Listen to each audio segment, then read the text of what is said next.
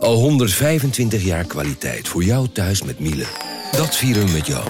Ontvang nu tijdelijk een cashback tot 125 euro op veel Miele-apparatuur. Geniet van de kwaliteit van Miele. Voor perfect verzorgd wasgoed en kleding die veel langer mooi blijft. Voor een stralend schone vaat, even perfect als jouw diners. En een stofvrij thuis waarin echt hygiënisch schoon de standaard is. Check miele.nl voor alle feestelijke aanbiedingen. Hey podcastluisteraar.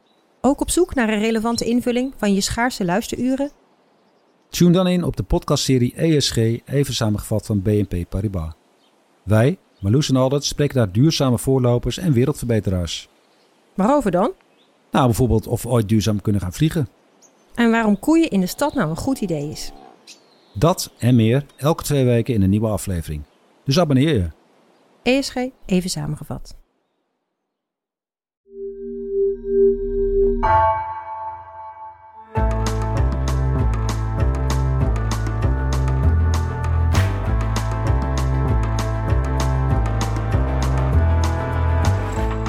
Welkom bij het uur. Dit uur staat in het teken van de mystiek, van het onverklaarbare en van het onverwachte.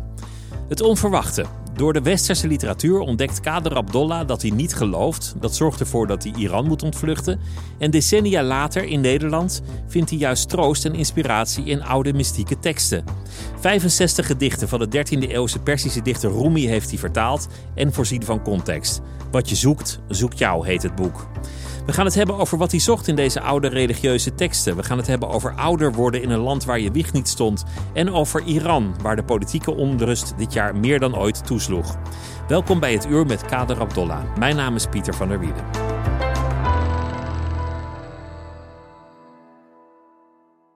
Kader, welkom. Dank je. Goeiedag en goedemiddag. Ik heb heel veel zin in dit gesprek. Ik heb het er van tevoren met, met mensen over gehad. Van ik ga Kader Abdollah interviewen. En, en bijna niemand wist dat dat niet je echte naam is. Zelfs, zelfs mensen die ik ken uit Iran, die dat toch zouden moeten weten, die, die wisten dat helemaal niet. Nee, nee, nee. Mijn, uh, ja, want mijn eerste boek, mijn, uh, mijn eerste boek, debuut, is in het Persisch gepubliceerd. Was in het Persisch. De tijd, in de tijd van die Ayatollahs. Het was een verboden boek. En ik moet iets anders, ik moet een andere, ja, ik moet een pseudoniem, een pennaam voor kiezen. En in die tijd waren er twee kameraden van mij geëxecuteerd, Kader en Abdullah. Ik heb hun namen als eer en eer en, en, en naast elkaar gezet. Als, als een pen of een pseudoniem van gemaakt. En sindsdien ben ik nog knapper en, en mooier dan, dan ik was. Ik heet Kader Abdullah. De, de jouw nom de plume, als ik het zo mag noemen, is een hommage aan twee vermoorde vrienden. Absoluut. In die tijd, twee jonge uh, Kader was, uh, beiden waren twee Koerdische, mijn studiegenoten in die tijd. De, uh, en een van hen was een jonge, jonge arts. De andere was een ingenieur. Ze hadden grote dromen. Uh, we, we, we, waren samen kameraden in een ondergrondse beweging. Eigenlijk een gewapende ondergrondse beweging. Ja, ik met mijn pen in de redactie van die ondergrondse, ondergrondse krant. Maar goed, ze werden gearresteerd, geëxecuteerd. Uh, een leven gaf me ruimte om, om, om verder te gaan met hun namen op mijn schouder. Kader jij, jij leeft mede namens hen. Wat, wat is je eigen naam eigenlijk, je geboortenaam? Oh, dit, is, dit is lang, dit is groot. Mijn echte naam, dit is een grote, klassieke, traditionele familienaam. Uh, want ik kom uit een uh, religieuze, traditionele, belangrijke familie. Uh, het staat allemaal in die naam. Mijn echte naam klinkt als Sayyid Hussein Sajadi Khaem Maghami Farahani. Uh, elke stuk wijst naar een deel, zowel religie als politiek, als, als, als, als culturele achtergrond van mijn familie. Bijvoorbeeld Sayyid betekent dat deze man, ja, in dit geval Kader Abdullah, een nakomeling van profeet van Mohammed is. De profeet Mohammed, Sayyid. Oké. Hussein betekent kleine Hassan. En Hassan betekent een knappe jongen.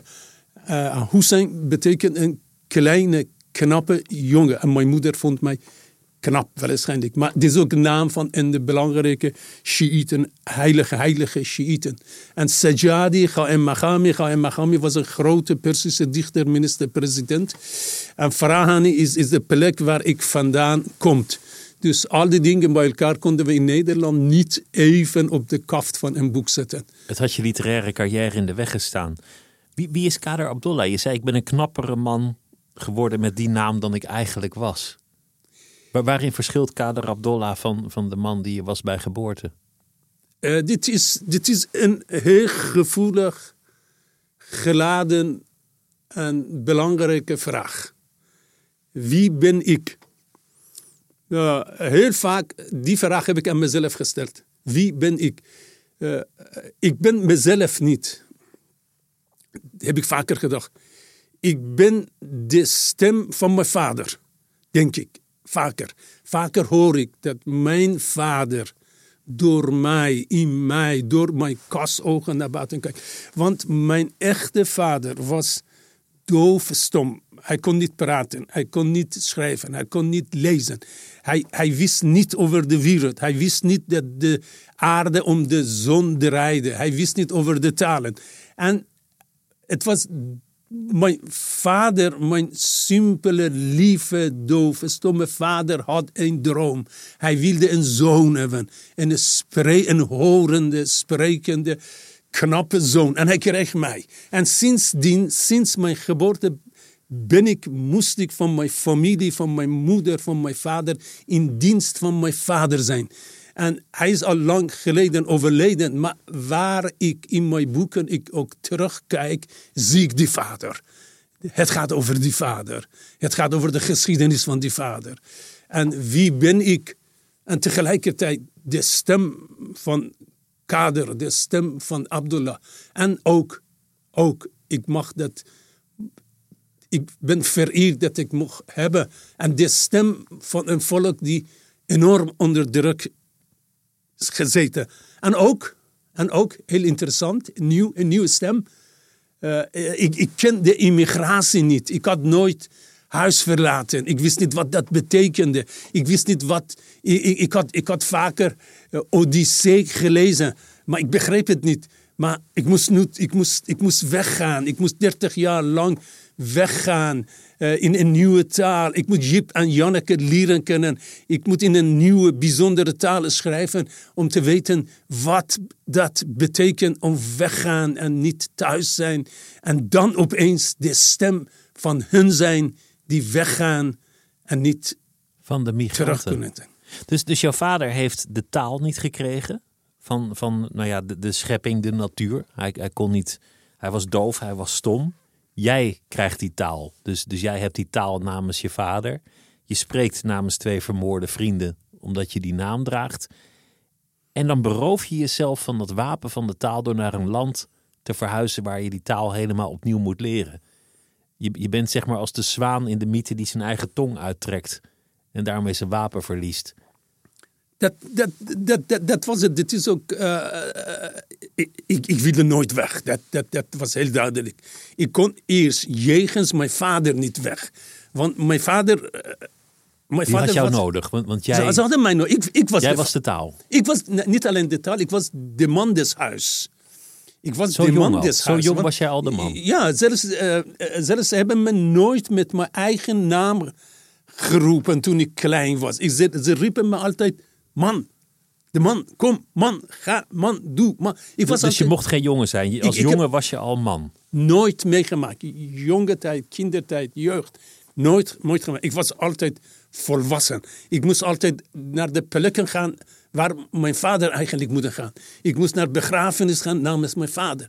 Ik moest bruiloft gaan namens mijn vader. Ik moest mijn dochters, mijn, mijn zussen uh, ter huwelijk geven namens mijn vader. En, en ze hebben me nooit de kans, ze hadden mij nooit de kans gegeven om de man te zijn. En tegelijkertijd, dat is een van de interessante ontwikkelingen in mijn, in mijn leven. Die man, die dove, stomme man, die lieve, bijzondere vader van mij, die niet praten kon, dwong mij op een natuurlijke manier om, om een gebarentaal te creëren.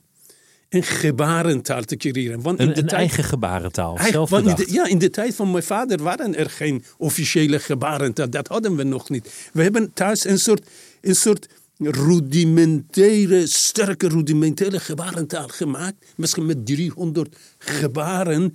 En, en ik en, en mijn vader en mijn moeder waren de maker. En vooral ik was de maker van, van die tijd. Hè?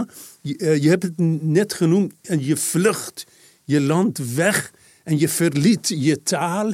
Dat is waar. Maar ik, zal je iets interessants vertellen. Eh, toen ik in Nederland was terechtgekomen, eh, eh, het was misschien zes maanden en ik had een beetje Nederlands geleerd. Een beetje met Jip en Janneke, een beetje Nederlands geleerd. Maar ik fietste over de dijk. Maar opeens voelde ik dat ik niet bang was voor de Nederlandse taal. Eh, ja, hoewel ik amper misschien 200 woorden kende. En, en, en ik dacht zelfs, zelfs, dit is heel belangrijk, ik, ik wist zelfs dat ik, dat ik op dat moment in staat was om in het Nederlands te schrijven. Niet Ineens, zomaar... ineens voelde je vertrouwen. Dit gaat me lukken. Ik ga die taal beheersen. Ik ga schrijven. Ik ga mijn weg hier vinden. Ik, kan zelfs een boek schrijven. Hoewel ik het zes maanden, alleen zes, zeven maanden in. En ik wist niet waarom op, dat, op die moment. Waar kwam dat gevoel? Waar, waar die kracht ineens Waar die kracht opeens kwam. Opeens wist ik het wel. Kijk, ik had, ik had altijd mijn vader als een last op mijn schouder beschouwd. hè? Mijn vader. Maar opeens dacht ik, hey, in Nederland, op de fiets, op de dijk, dacht ik, die last was een last van goud. Dat wist ik niet. Hè? Binnen dat last, eh, die stenen, gewoon een goud, mineraal goud. En, en wat was dat goud? De gebarentaal. Mijn vader had van mij een taalmaker gemaakt. Hè? Daarom was ik niet bang voor de Nederlandse. Als je gebarentaal kan verzinnen, kan je ook Nederlands leren. Nederlandse. Ja, want eh, ik, ik met 300 gebaren had ik al 30 jaar lang met mijn vader alles uit de grote wereld naar, naar de taal van mijn vader vertaald. En Nederlands had ik de grote vandalen met zo'n 500.000 gebaren. Die kan woordjes, die kan ik aan de kap plakken en met een nieuw boek komen. En daarom vind- drie jaar later kwam ik met een nieuw boek. Ik vind, De ik vind geest twee, dingen, twee dingen heel grappig. Je noemt Jip en Janneke. Terwijl politici krijgen hier altijd te horen... je moet in Jip en Janneke taal spreken. Dus die, Ja. die, die kunnen heel veel woorden... maar dan wordt juist door de voorlichter gezegd... ga het nou eens vertalen naar Jip en Janneke. Dus dat is, dat is mooi dat jij daar vandaan komt. En je versprak je, dat vond ik ook zo mooi. Je zei, mijn dochters... en toen zei je, sorry, mijn zussen... Ja. Maar jij was natuurlijk soort van de heer des huizes, soort van de vader in het gezin. Ik, ik was de vader Daar, komt die verspreking vandaan. Ja, ja dat was. eh, kijk, eh, ik had eh, mijn derde of vierde boek in Nederland was Spijkerschrift. En, en, mijn lievelingsboek en ook het meest verkocht boek van mij in Nederland na Huis van de Moskee. En, en, en dat gaat, in dit boek gaat zeker over mijn vader, maar vooral over mijn moeder. Over mijn moeder. In de eerste, eerste versie van dat boek was zo'n 700 pagina. Eh, ik had een lelijke, verschrikkelijke, dominante moeder gecreëerd. Maar dat kon niet. Mijn moeder was zo'n lieve moeder. Hoe, hoe, hoe was het mogelijk dat ik haar zo lelijk neer had gezet? Ik moest dat eerste versie bijna zeven keer opnieuw schrijven. Van 700 naar 350 pagina reduceren. Om erachter te komen waarom ik het gedaan had. Kijk, mijn moeder, absoluut een bijzondere vrouw. Hardwerkende vrouw lieve moeder, maar ze had me nooit de kans gegeven om haar kind te zijn.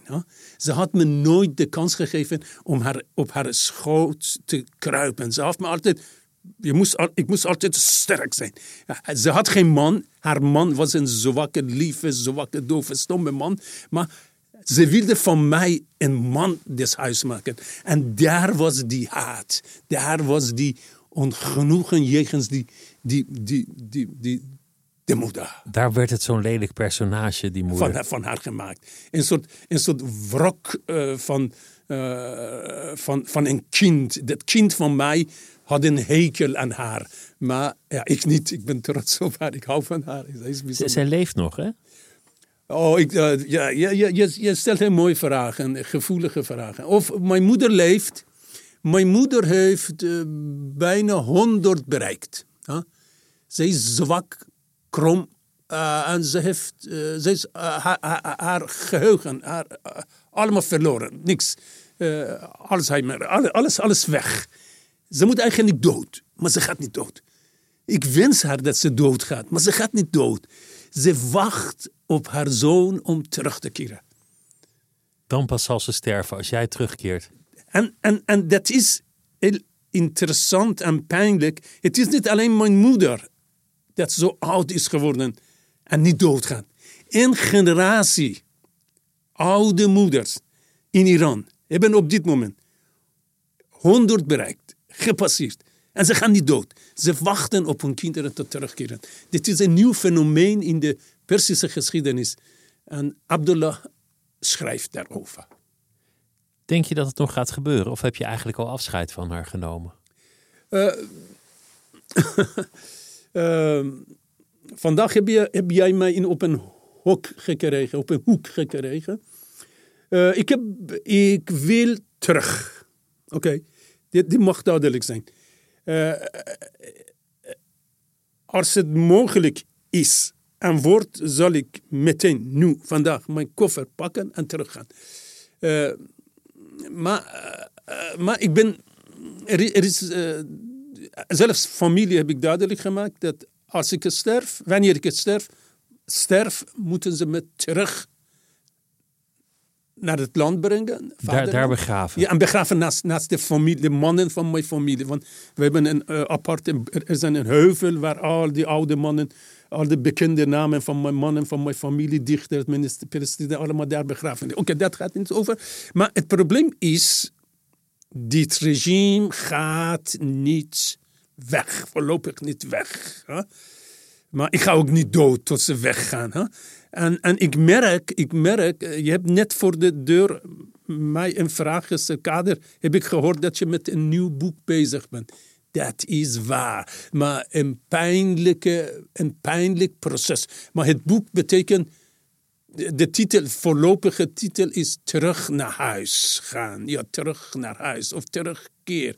En ik ben heel serieus met, die, met deze roman bezig. En als je dit, als je terugkeer in een boek wil beschrijven. En als je terugkeert in een boek wil je realiseren, dat is heel gevaarlijk. Dat betekent dat dit fascistisch regime wil nog lang leven.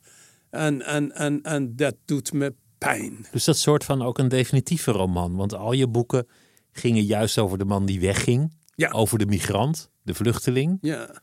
En nu een boek over de terugkeer. Die nog lang niet aan de orde is. Die niet kan op dit moment er is, er, is, er is nog iets anders aan de hand. Dit is, dit is ook interessant. Uh, niet alleen over het land. Uh, ik, ben heel, uh, ik ben gefascineerd door, door Odyssey. Huh? Odyssey gaat heel veel beleven. Gaat, hij wordt een held. Hij gaat alle oorlogen meemaken. Hoger dan een held dat hij geworden is in die tijd niet mogelijk. Huh? Maar Huma, de, de schrijver, grote schrijver van die, van die, van die goddelijk boek, uh, komt op een grens dat, dat hij, dat hij uh, Odyssee terug naar huis moet sturen. Tot hier is het genoeg en dan moet je terug.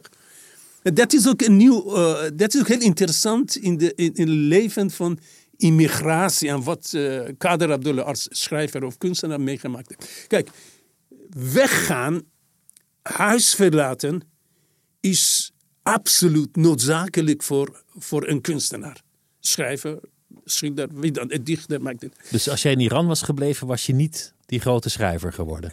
Uh, ik vergelijk me met een appelboom. Als ik in het vaderland was gebleven, of was ik dood, maar dit is een anders. Maar als ik was gebleven, was ik een korte appelboom geworden. Misschien met een zurige appels, met, met, met, met dat regime. Maar je komt hier, je komt in een ander land, uh, onder de zeespiegel, in die regen en in deze taal.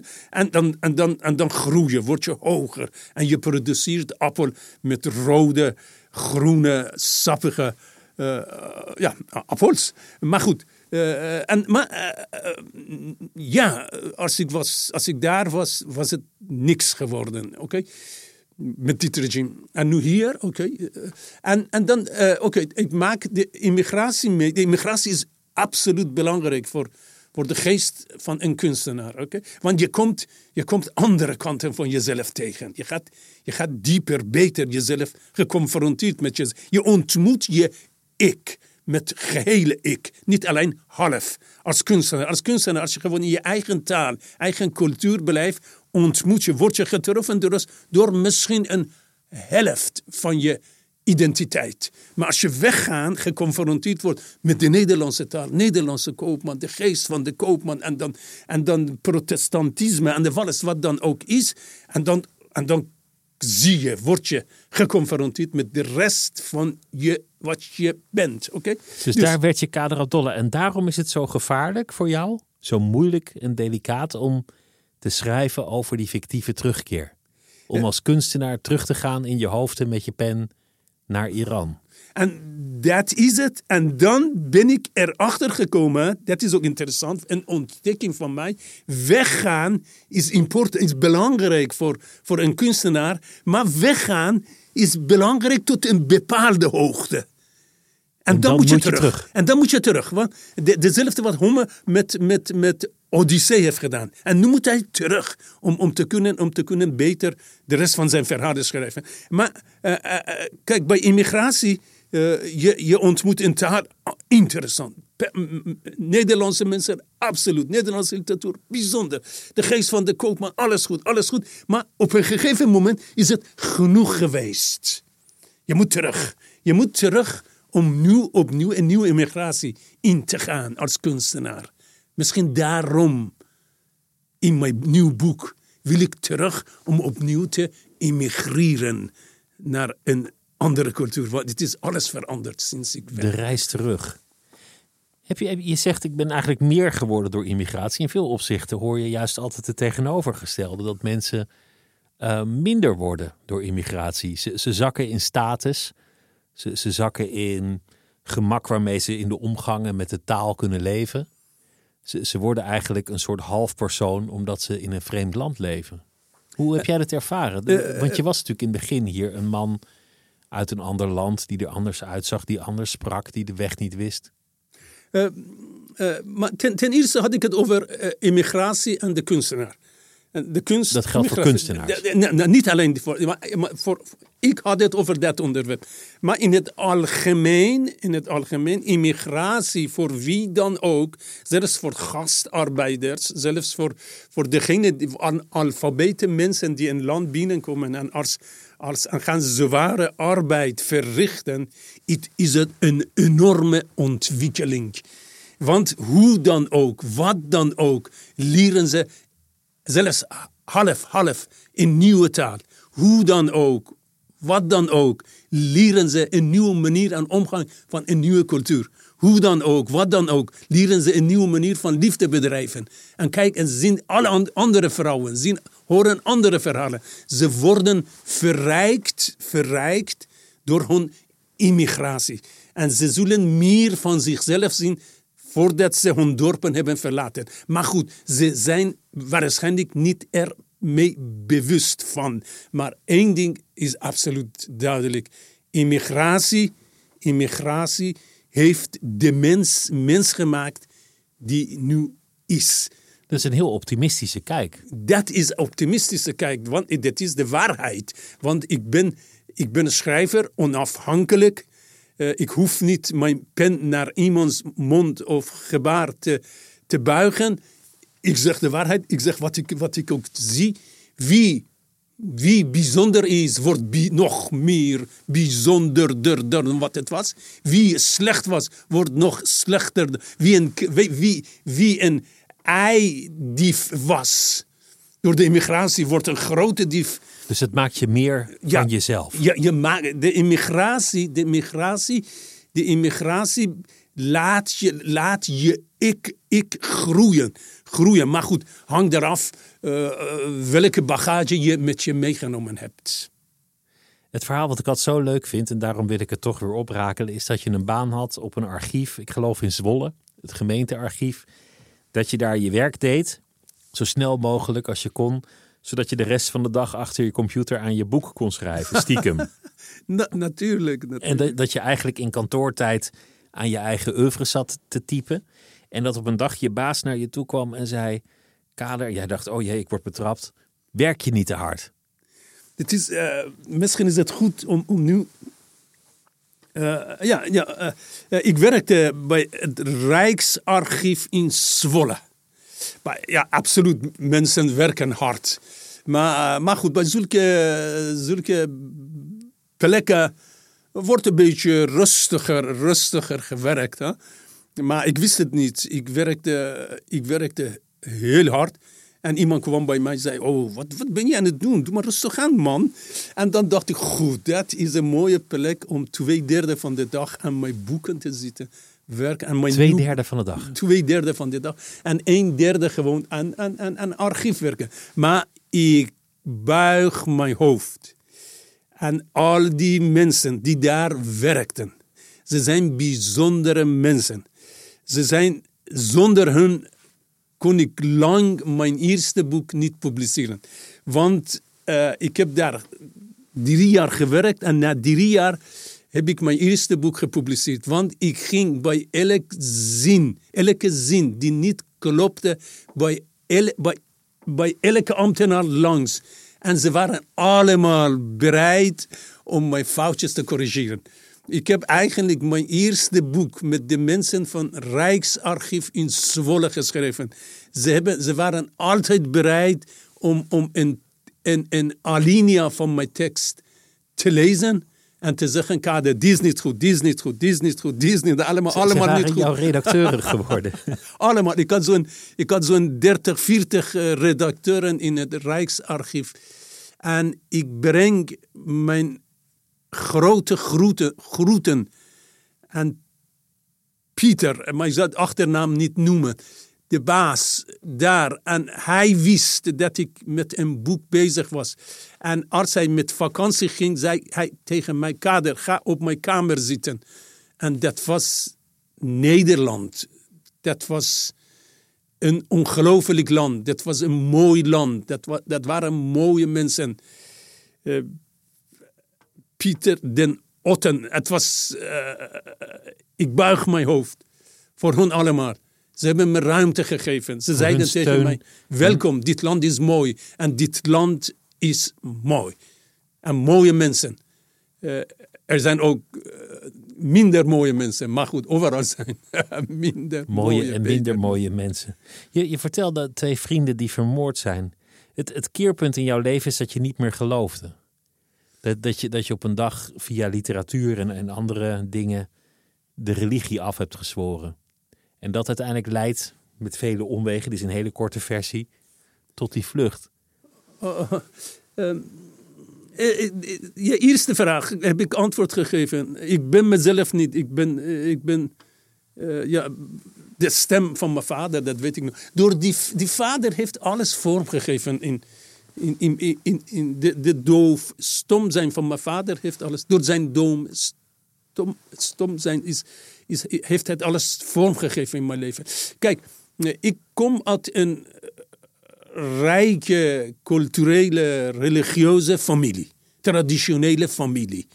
Ja, de familie met dikke boeken. Familie met, we hadden grote dichters, we hadden minister-presidents, we hadden imams, we hadden alles. We hadden boeken, we hadden alles. En religie was aanwezig. Religie was aanwezig. Maar mijn vader begreep niks van religie. Mijn vader had nooit een boek gelezen. Mijn vader wist niet wat God was. Wist niet wat profeet Mohammed was. Daardoor en door hem was een enorme vrijheid in mijn huis. Iedereen in de, de rest van mijn familie, alle mannen en vrouwen zijn religieus. Klassiek religieus. Maar ik niet. En dat kwam door mijn vader. Hè?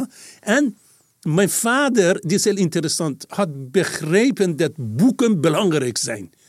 Uh, want uh, de grote mannen van onze familie waren altijd met boeken bezig. Maar die, die, die simpele vader van mij kwam elke dag uh, ja, na zoveel tijd met een boek.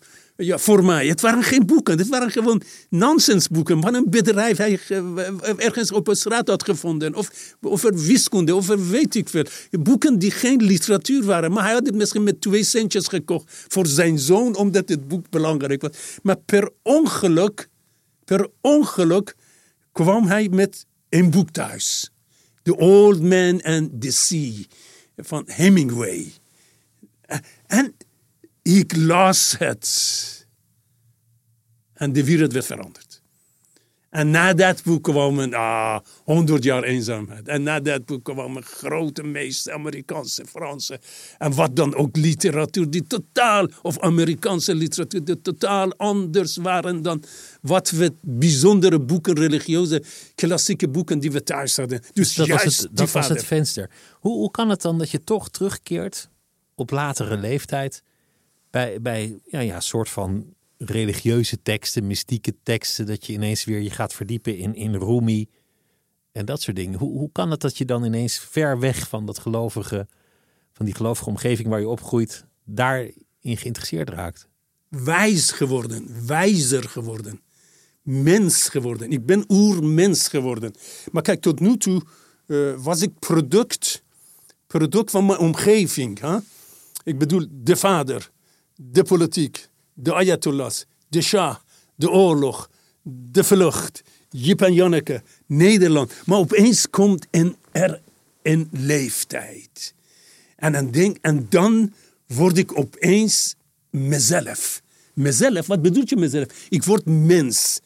Welk mens? Oermens. Wat, wat deed de oermens? De oermens keek met bewondering naar de zon, naar de maan, naar de sterren. En, naar, en, en ook later, waar kom ik vandaan?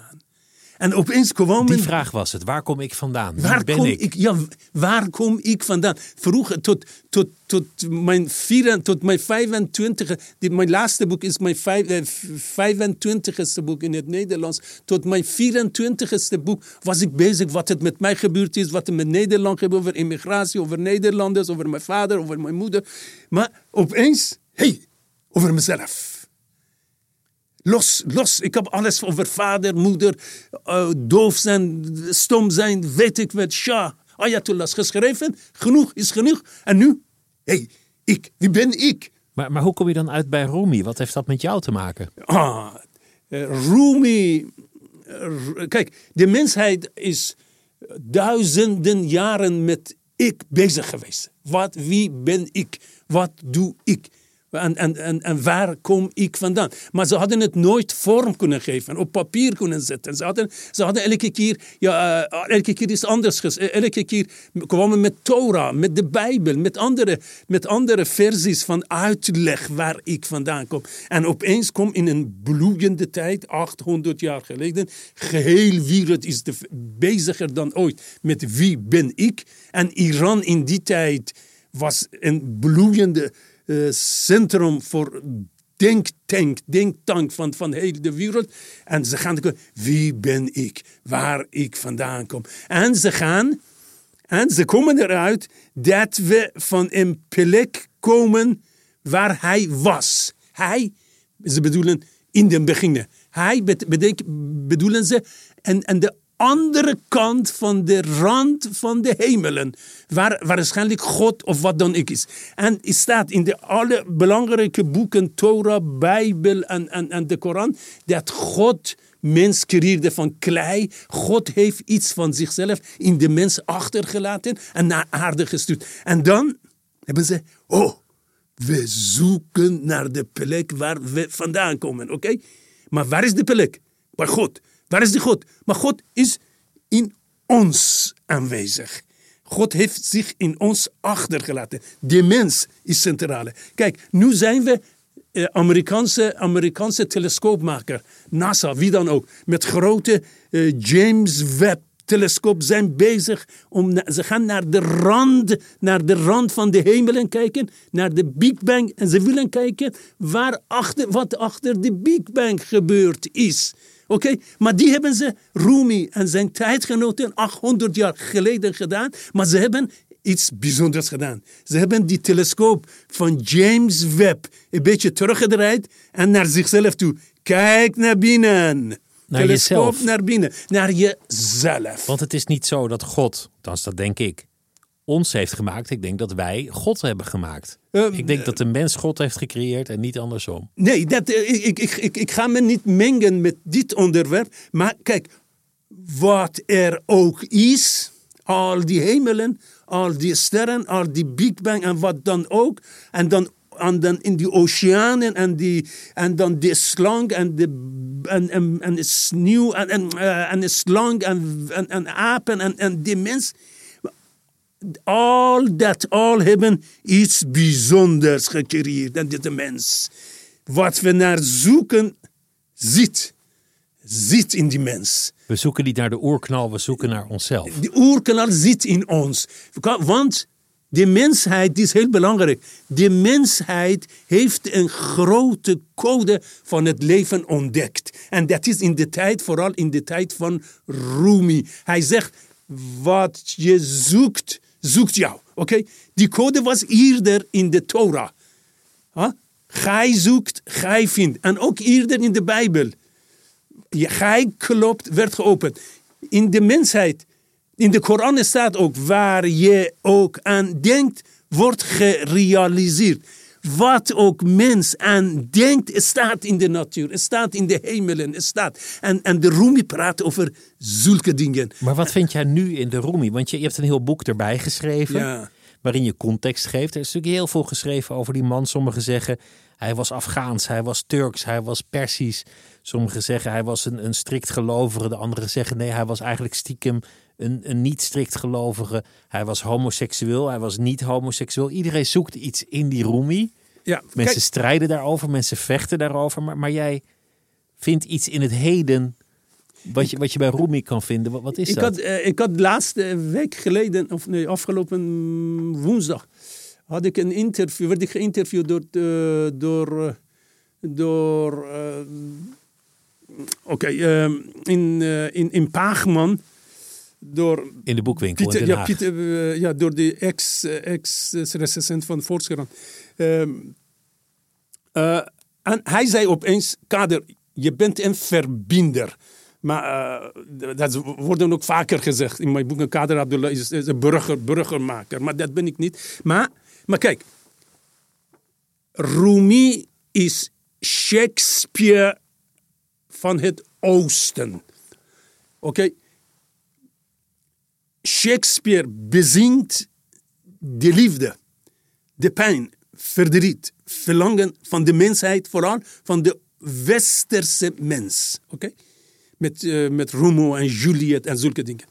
En, en Rumi bezingt verlangen, angst en, en, en lot.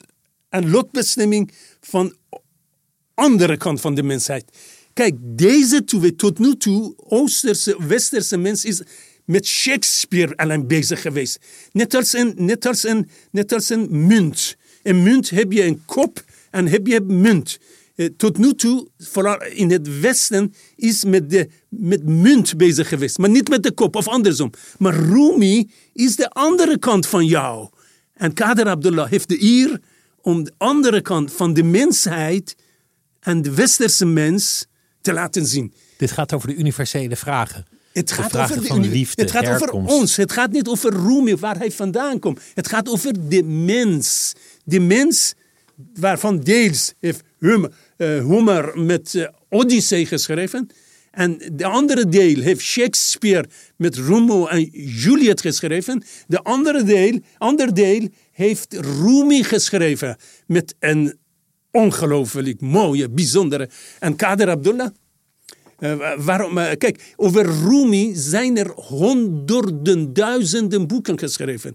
En ik worstelde, ik wilde altijd iets over hem schrijven, maar ik worstelde, God, wat kan ik er aan toevoegen? Dat wist ik niet. Ik ben al tien jaar met Rumi bezig. Ik lees dag en nacht. En, en, maar ik wist, ik, ik kon geen weg vinden om hem te beschrijven. Opeens wist ik het wel. De emigratie. De vlucht. Die man is product van de vlucht. Die man vlucht voor Genghis Khan als een 16-jarige jongen. En dan hij leert Arabische taal. Hij leert Romeinse taal. Hij leert Turkse taal. Hij wordt geconfronteerd met alles. En hij wordt Rumi. En ik heb een novelle in dat boek over hem geschreven. Zijn leven. Ik heb 90 van zijn gedichten. Ik heb zijn vierde in korte verhalen allemaal geschreven. En het product is een geschenk voor de Nederlandse taal. En een, een erebeton en om huis te verlaten. Want het gaat nu eigenlijk over de actuele thema's: oorlog, vluchten, Precies. migratie. De onrustige mens in deze tijd heeft juist Rumi nodig. Om blijf, blijf bij jezelf, blijf rustig, blijf naar jezelf kijken, blijf geloven in wat je in jou, wat het leven, God op Big Bang en wat dan ook aan jou gegeven. Rumi, door Kader Abdullah, geef je een boek zodat je meer je waarde in jezelf terug kan vinden, rust vin- vinden en ook genieten van je leven. in jezelf. Nou vind ik dat altijd een heerlijk gesprek. Alsof je op een, op een lenteochtend in het gras ligt en naar de hemel tuurt en denkt... wat was er eigenlijk eerst? En waar komen wij vandaan? En zijn wij geschapen? Is iemand anders geschapen? Is er rechtvaardigheid? Is er hiernamaals? En dat, dat lijkt zo vrijblijvend. Maar er worden mensen om vermoord. Er worden oorlogen overgevoerd. Er worden landen omgekneveld. Zoals die twee vrienden van jou die de kogel konden krijgen. Ja. Uiteindelijk ging dat over die vraag. Over die, die zo abstracte metafysische vraag van eh, de oerknal en de zin. En Precies. wel God, geen God, wel profeet, geen profeet. Dat is het. Want het regime van Iran op die manier, is, is- ze zijn, ik, ik, zal, ik zal je heel pijnlijke en gevaarlijke, eh, voor, voor mezelf gevaarlijk ding vertellen. Kijk, wie in Iran nu aan, aan de macht is, zijn ayatollahs. Oké? De echte ayatollahs, de bejaarde ayatollahs. Eh, ze zijn nu, nu volgens, de, volgens de normen een van de lelijkste dicta, dictatoren op de aarde. Heel lelijk, hè? Maar, maar luister, ze zijn heel goede mensen. Ze zijn gelovige mensen. Ze geloven dat ze vertegenwoordiger van God op de aarde zijn. Dit is hun filosofie. Dit is hun manier van kijken. Zij zien zichzelf als totaal zuiver, ja, verheven, ja, ze denken, keurig. Ze, ze, denken, ze denken dat ze namens God regeren. Kijk, er zijn heel veel corrupte dieven die onder hun, eh, van hun profiteren. Maar, maar die echte, maar die, die ayatollah, die grote ayatollah, hij heeft niks. Hij, hij, hij, is, hij, hij denkt dat God heeft hem geschapen om zijn woord te verkondigen. En door zijn God kan hij doden. Kan hij 400 jonge meisjes, vrouwen doden. Kijk, de filosofie, de mens. Dat is toch de tragiek van het land. Jullie, jullie vochten tegen de dictatuur Ja. van de Shah. En jullie kregen er een veel ergere dictatuur voor terug. En die zit er nog. Met andere mensen, maar in feite zit die er nog. En elke keer denken ze, nou nu heeft het uur wel geslagen. Nu loopt ze op hun laatste benen. Deze opstand zal slagen. En elke keer weet ze met nog straffere hand, ook dit jaar weer, de boel te onderdrukken.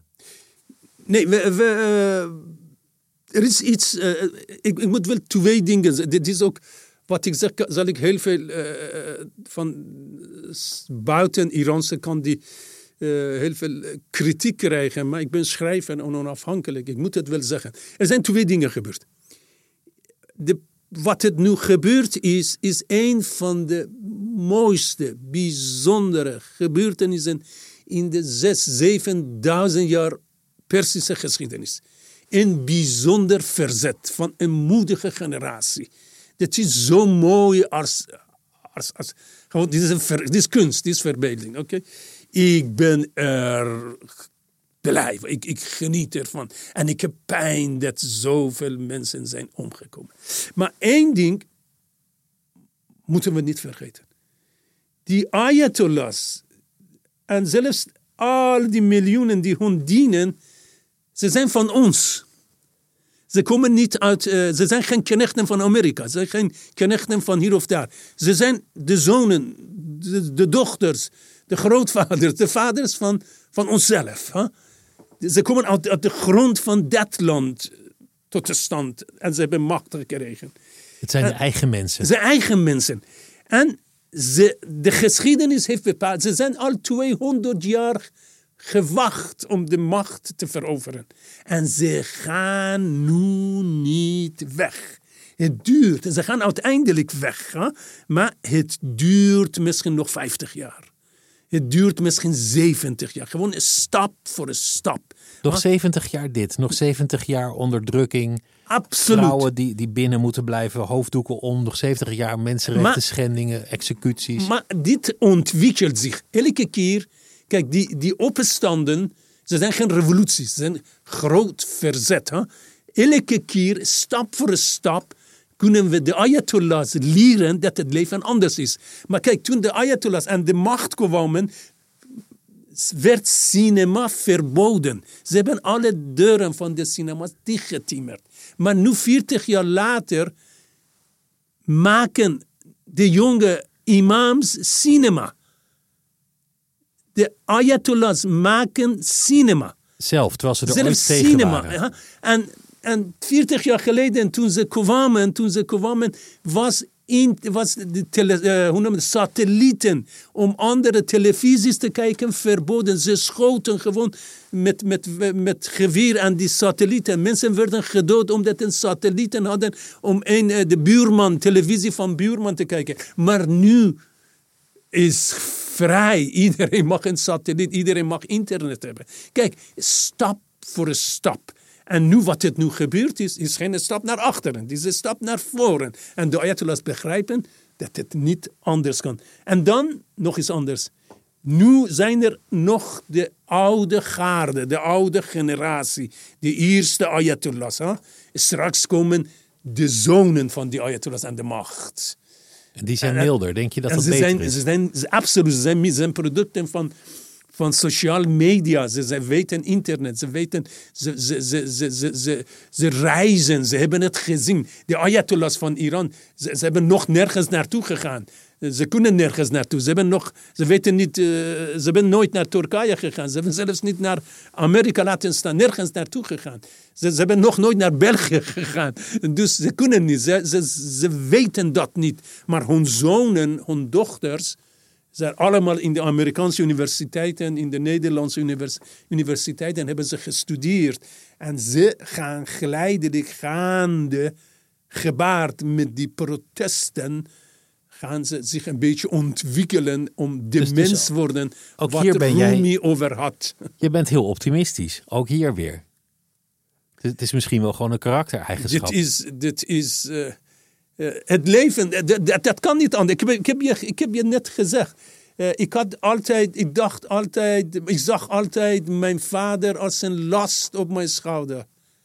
Maar, maar je, moet het, je moet het kijken. Maar het maar was die geen last bleek een zegen. Ja, het is zegen. Je moet het zo, je moet het zo. En Rumi zegt dus, Ru- Rumi zegt, lees Rumi in zijn poëzie, zegt, maak je ramen open voor de pijn, voor verdriet, voor verlangen. Laat ze, laat ze bij jou komen. Zelfs bij verdriet, laat ze bij jou komen. Laat ze zich bezinken in jou. Want ze zijn vrienden van jou. En daardoor, als je ze ruimte geeft, kan je ze omzetten tot iets, iets mooiers. Hij zegt eigenlijk alle obstakels die je tegen zult komen, Ja, die zullen jou helpen. Die zullen jou iets leren, die zullen jou iets bijbrengen, sterker maken. Je moet eigenlijk blij zijn dat je obstakels treft. Wie geen obstakels iets- treft, die groeit niet. zal ik je iets grappigs vertellen? Ik was in Rome vorige week. En ik viel op de grond. eh, Heel, heel lelijk. Ik had, eh, ik had een presentatie van een van mijn boeken in, in Rome. En ik viel op de grond. Ik dacht, één minuut lang lag ik op de grond van pijn. En ik dacht, dit is afgelopen. Mijn borstkast en mijn schouw, allemaal gebroken. En ik, ben, ik ga naar ziekenhuis. Na één minuut kon ik overeind komen. En ik liep. Oké, ik had enorm pijn. Oké. Presentatie was goed gegaan. Alles goed gegaan. En, en eh, ik had zoveel pijn voor presentatie dat arts zei, je moet zes, zeven paracetamols nemen om te kunnen. Oké, dat is gebeurd, allemaal gebeurd. Pijn. En ik kon het zeggen, oh, verschrikkelijk. Oh, oh wat een lelijke... Maar dat heb ik niet gedaan. Kijk, twee weken geleden, twee weken geleden had ik een vrouw, geslaurde vrouw gezien, was door een auto, een aanrijding. De vrouw lag op de grond en ze viel, ze riep van pijn, pijn, pijn, pijn. En ze kon niet overeind komen. Maar eh, ik begreep haar pijn niet. Snap je? Ik begreep Waarom begreep pijn je die pijn niet? Ik wist, Ze was wel aangereden. Je, denk- je, denkt dat je, je denkt dat je begrijpt haar pijn. Maar toen ik zelf gevallen, gevallen was, toen ik absoluut niet kon bewegen, toen ik enorme pijn had, dacht ik aan haar pijn. Ik had haar pijn ervaren. En ik dacht, ik moest glimlachen. Ik was ontwikkeler. Ik was, ik was, een, ik was een nog meer uh, ervaren man dat ik was. Ik Wat, was wat je dacht ineens, goh, ik liep aan een ander voorbij die ook was aangereden of die ook was gevallen. En ik zag die pijn niet en nu, Nee. nu snap ik het pas. Nu, nu, nu, nu had ik een grens eh, eh, overgeschreden. Eh, eh, eh, ik, ik was meer mens. Ik was meer mens. Ik was. Het is, klinkt in Nederlandse cultuur klinkt eh, misschien anders, maar ik achteraf was ik blij met die pijn van mezelf. Wat, wat- wat je de hele tijd zegt is eigenlijk, alles wat je meemaakt, maakt je uiteindelijk groter. De vlucht naar een ander land, het verlies van je vrienden die, die vermoord worden, alles is uiteindelijk je groei. Het maakt je een betere schrijver, een beter mens. Een vader die niet kan horen, die niet kan spreken, het maakt jou beter. Het maakt jou iemand anders, het daagt je uit om je te ontwikkelen. Het zijn eigenlijk zegeningen. Rumi is goed voorbeeld. Enorme pijn, verdriet en alles gehad. Hij was verliefd op, op, op zijn geliefde. hè. En, en zijn geliefde werd vermoord. En dan, eh, hij ging zijn kamer binnen, de deur dicht, maanden de deur dicht binnen. En opeens kwam hij met wonderlijke gedichten. Eh, mooiste liefdegedichten over. Hij kan ook in- op de kamer van verdriet, verlangen, gewoon ondergaan, doodgaan en zuren. Maar nee, hij kwam met de mooiste gedichten, liefdesgedichten van de wereld die nog geen enkele mens op de aarde geschreven had. Dus ik heb geleerd, wie klaagt, is een verliezer. Niet te veel klagen. Stel, het is het, jaar 2079 en de Ayatollahs die gooien de handdoek in de ring, die houden ermee op. Ze hebben exact 100 jaar geregeerd over dat land. En dan ineens is het voorbij en wordt, wordt Iran gewoon een nieuw land. Een land dat het al die tijd had kunnen zijn. Waar, waar is het dan allemaal goed voor geweest? Waar is dan dat hoofdstuk van die, van die Persische geschiedenis voor goed geweest? Wat, wat, wat heeft het dan gebracht? Dat is, dat is Persische geschiedenis. Wat we nu krijgen, wat we nu krijgen, is, komt niet uit wat we nu die religieuze, fanatieke, geestelijke ayatollahs krijgen, valt niet als, als regen uit de hemel. Kijk, dat land, Persische Rijk, dat weet je de geschiedenis. Ze zijn, iedereen is binnengekomen en iedereen heeft iedereen geslagen, ge- kapot, kapot gedood. Ja, eh, kwamen eerst de Alexander de Grote, oké. Kwamen gewoon de, de, Mohammed de profeet, oké. En kwam Genghis Khan, oké. Iedereen heeft, dit land verkracht en, en, en, en, en in elkaar geslagen en deels achtergelaten aangegaan. Wat we nu hebben, die ayatollahs, zijn de restjes, de restjes van 1400 jaar geleden, toen Arabieren namens de islam het Persische Rijk binnenvielen. Dit is geschiedenis. Ze waren minderheden. Ze waren minderheden die na 1400 jaar nu aan de macht zijn gekomen. Ik, eh, ik, zal, het aan- ik zal het niet vertellen. Eh, immigranten in Nederland zullen ook misschien 1400 jaar aan de macht komen en zo lelijke dingen gaan doen. Maar goed, nee, ik, ik hoop van niet. Maar, Nou ja, het zou kunnen, je ja, zou het kunnen. niet. Kijk, dat zijn, dat zijn ze. Die, die, die ayatollahs nu zijn de geschiedenis zelf. Maar gewoon deeltjes gebleven, resterende deeltjes van 14, 1300 jaar, 1400 jaar geleden. Toen Arabieren met de Koran het Persische Rijk binnenvielen. En de Persisch geloof verboden, Persische taal verboden. Ze, ze hebben miljoenen mensen onthoofd. En ze zeggen de islam, de islam, de islam. En dan, eh, na 1400 jaar, is heel veel dingen veranderd. Eh, Arabieren uit het land gezet, maar toch, die in- minderheid was gebleven. En ze hebben aan de macht gegrepen. Dat is hem. Maar misschien, zoals jij het schetst, zal het wel nooit gebeuren, die terugkeer. Die terugkeer die je nu fantaseert, waar je nu over schrijft. Waarvan je hoopt dat die nog voor je dood zal plaatsvinden. Je moeder wacht erop. Je moeder wil niet sterven tot ze jou weer in de armen sluit. Misschien gebeurt het niet. Misschien sterf je gewoon in Delft. Eh, ik ben dankbaar voor al die ellende. Daardoor heb ik eh, in staat geweest om 25 boeken in het Nederlands te schrijven. En mijn boeken zijn in vele talen vertaald. Dat was onmogelijk als ik zoveel ellende niet mee mocht maken. Het was onmogelijk als mijn moeder niet op mij bleef wachten. Het was onmogelijk als ze mijn broer niet hadden gedood. Het was onmogelijk als ze mijn zussen niet in de gevangenis hadden gezet. Ik ben. Ik word overal uh, tijdens mijn lezingen en wat dan ook als een prins ontvangen. Maar ik voel me niet goed. Om in balans te komen, om in mijn evenwicht te behouden, terwijl mijn broer begraven ligt, terwijl vele kameraden van mij dood zijn uh, en, en in gevangenis. En ik loop zo vrij, moet ik zitten en schrijven en met een nieuw boek komen. En misschien mijn nieuw boek is ook, Rumi is een antwoord aan die pijn, product van die pijn. En, uh, en, en, en mijn nieuw boek die wil komen ook een, een, weer balans te vinden. Maar er zit geen enkele, geen enkel sfeer van verdriet of pijn in mijn boeken. Juist blijheid, energie en optimisme. En ik ben daar dankbaar voor. Het is een mooie kerstgedachte, die ga ik meenemen. Niet meteen klagen als iets tegen zit, als je iets op je weg vindt. Als je, als je verdriet hebt of, uh, of struikelt, maar aanvaard het als iets dat jou dat het voor jou kan is. helpen. Dat is van jou. Als je, als je struikelt, als je pijn hebt, als je verdriet hebt, dat is van jou. Maar probeer het, het de hemelen, wat het ook is, als er God is, is God.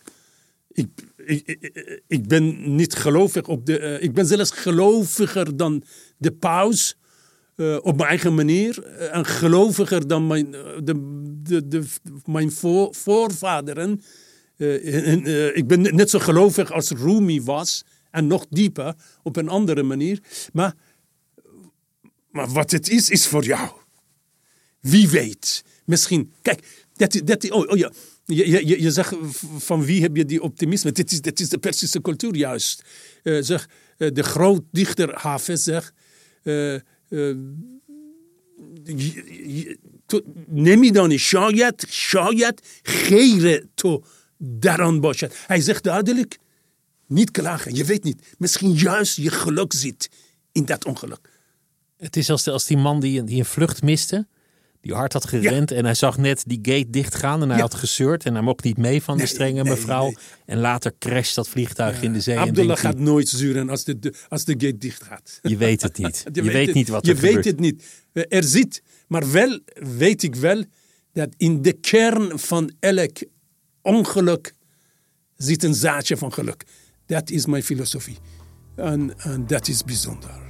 Dank je wel dat je op bezoek wilde komen. Het was er groot genoeg om, uh, om met je te praten.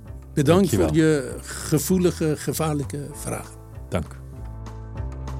En dit was het uur voor deze week. Volgende week dan zijn we er weer. Het uur werd gemaakt door Els van Driel, Anouk van Kampen, Mira Zeehandelaar en de chef van de audioredactie is Anne Moraal. Tot volgende week.